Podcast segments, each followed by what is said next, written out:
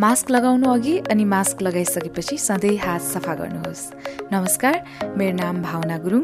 सङ्कटमा साथीमा आज म सही तरिकाले मास्क लगाउने बारे कुराकानी गर्छु। अनि साथमा कोरोना महामारीका बेला हामी सबैले अप्नाउनु पर्ने जनस्वास्थ्यका मापदण्डहरूलाई लिएर नेपालका विभिन्न ठाउँका मानिसहरूले गाउनु भएको गीत पनि तपाईँलाई सुनाउँछु प्राणी मध्ये एकमा गन्दथ्यौँ हामीले चाहे जे गर्न नि सक्छौ भन्दथ्यौँ आफै सजग रहौँ हामी राम्रा बानीले।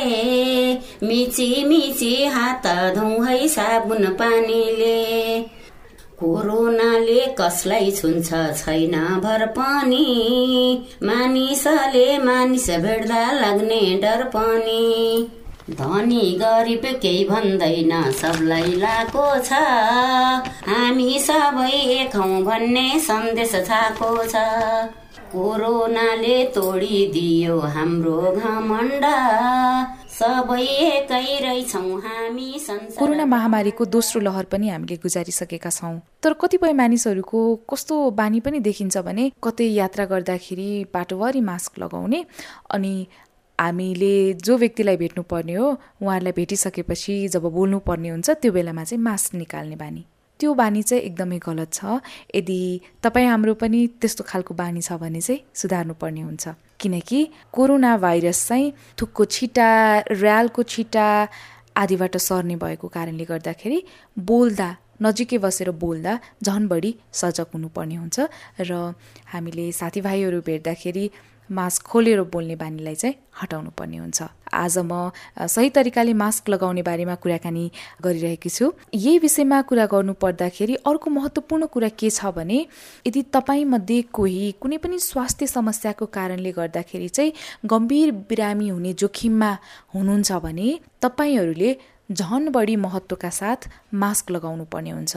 म त रोगी छु मलाई मास्कले पो केही समस्या गर्छ कि सास फेर्न पो गाह्रो हुन्छ कि भन्ने तपाईँलाई लागिरहेको छ भने ढुक्क भएर तपाईँले मास्क लगाउनुहोला। यो चाहिँ जनस्वास्थ्यविदहरूले नै सिफारिस गर्नुभएको हो।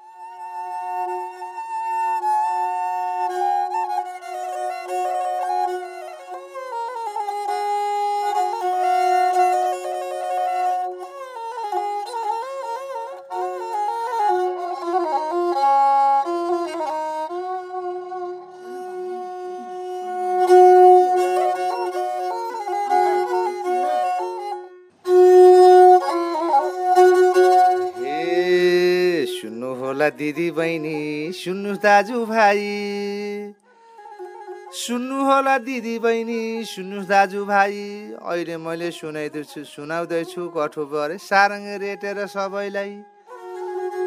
चाइनाबाट सुरु भयो नेपालमा आयो अहिले हेर महामारी विश्वभरि भयो।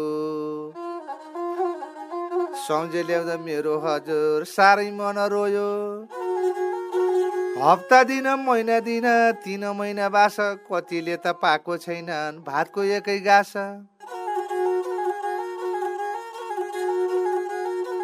साबुन पानीले कठ बराई हात धुनु होला सेनिटाइजर पनि कठाई राम्रो लाउनु होला। होस गर्नु है दिदी बहिनी लाउन दाजु। भाइ महामारीले रुवाएको छ सारा संसारलाई।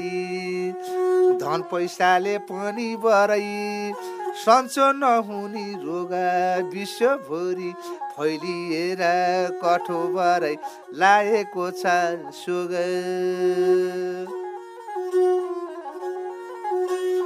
हे धन पैसाले पनि कठै सन्चो गराउन नसकनी रोग विश्वलाई परेको छ कठो बराई सोग। ख्याला गर्नु साबन पानीले हात धुनु होला। बाहिर हिँड्दा माछा प्रयोग गर्नु होला। नभुलेर अहिले त्यतिखेर। फर्केर नि आउँदैन है बगिरहेको खोला। कहाँ सस्तो छ र बराई मानिसको चोला। कहाँ सस्तो छ र भरै मानिसको चोला। हरे हरे। तपाईँ यतिखेर सङ्कटमा साथी कार्यक्रम सुनिरहनु भएको छ र आज हामी सही तरिकाले मास्क लगाउने बारेमा कुराकानी गरिरहेका छौँ। अनि कोरोना महामारीका बेलामा हामी सबैजनाले पालना गर्नुपर्ने जनस्वास्थ्यका मापदण्डहरूका बारेमा गाइएका गीतहरू पनि तपाईँलाई सुनाइरहेकी छु। म भावना गुरुङ। अहिले बिस्तारै खोपहरू हामीले लगाउन सुरु गरेका छौँ। तर हामीले बुझ्नुपर्ने कुरा के छ भने हामी सबैजनाले खोप अहिले एकैचोटि पाउन सक्ने सम्भावना नरहेको कारणले गर्दाखेरि पनि हामीले मास्क लगाउने जस्ता जनस्वास्थ्यका मापदण्डहरूलाई पालना गर्नुपर्ने जरुरी रहन्छ। र हामीले यो बुझ्नु जरुरी हुन्छ कि खोपले मात्रै समुदाय स्तरमा फैलने कोरोना सङ्क्रमण रोक्न सक्दैन।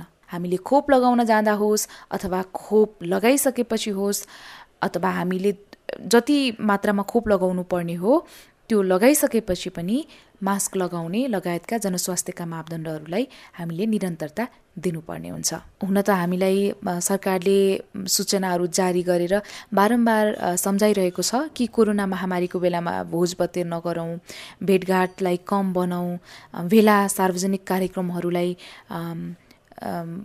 कार्यक्रमहरू नगरौँ।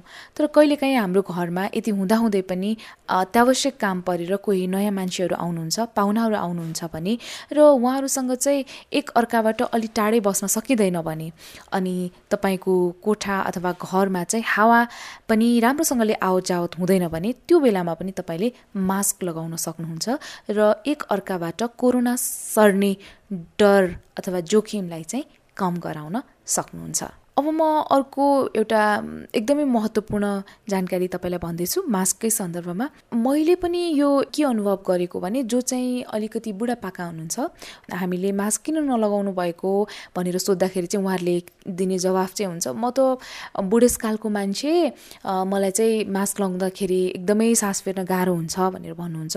तर मास्क लगाउँदाखेरि सास फेर्नै गाह्रो हुने अथवा त्यसले चाहिँ श्वास प्रश्वासमा कुनै नराम्रो असर गर्ने अथवा उहाँहरू जुन रोगसँग लड्दै हुनुहुन्छ त्यो रोग लागेको व्यक्तिलाई चाहिँ झन् गाह्रो बनाउने होइन कि? जो चाहिँ साठी वर्षभन्दा बढी उमेर समूहमा पर्नुहुन्छ उहाँहरू चाहिँ कोरोना सङ्क्रमणको झन् बढी जोखिममा हुनुहुन्छ। यदि उहाँहरूलाई चाहिँ सङ्क्रमण भयो भने गम्भीर हुने सम्भावना अथवा जोखिम पनि रहन्छ। त्यो कारणले गर्दाखेरि उहाँहरूले झन् उचित तरिकाले मास्क लगाउनु पर्ने एकदमै आवश्यक हुन्छ। उहाँहरूलाई चाहिँ मेडिकल मास्क नै लगाउनु भनेर जनस्वास्थ्यका विज्ञहरूले सुझाव पनि दिनुभएको छ। लाउने बानीले मास लाउने बानीले हात धोइरा खाउँ साबन र पानीले। सुना दाजुभाइ सुना दाजुभाइ कोरोना भाइरसलाई टाढै भगाउँ है। मास लाउने बानीले मास लाउने बानीले। हात धोइराखौँ साबन र पानीले सुना दाजुभाइ सुना दाजुभाइ कोरोना भाइरसलाई टाढै भगाउँ है। ए हुन हामीले रोग सानो ठानेर रोग सानो ठानेर घरमै बसौँ नि हामीलाई मानेर।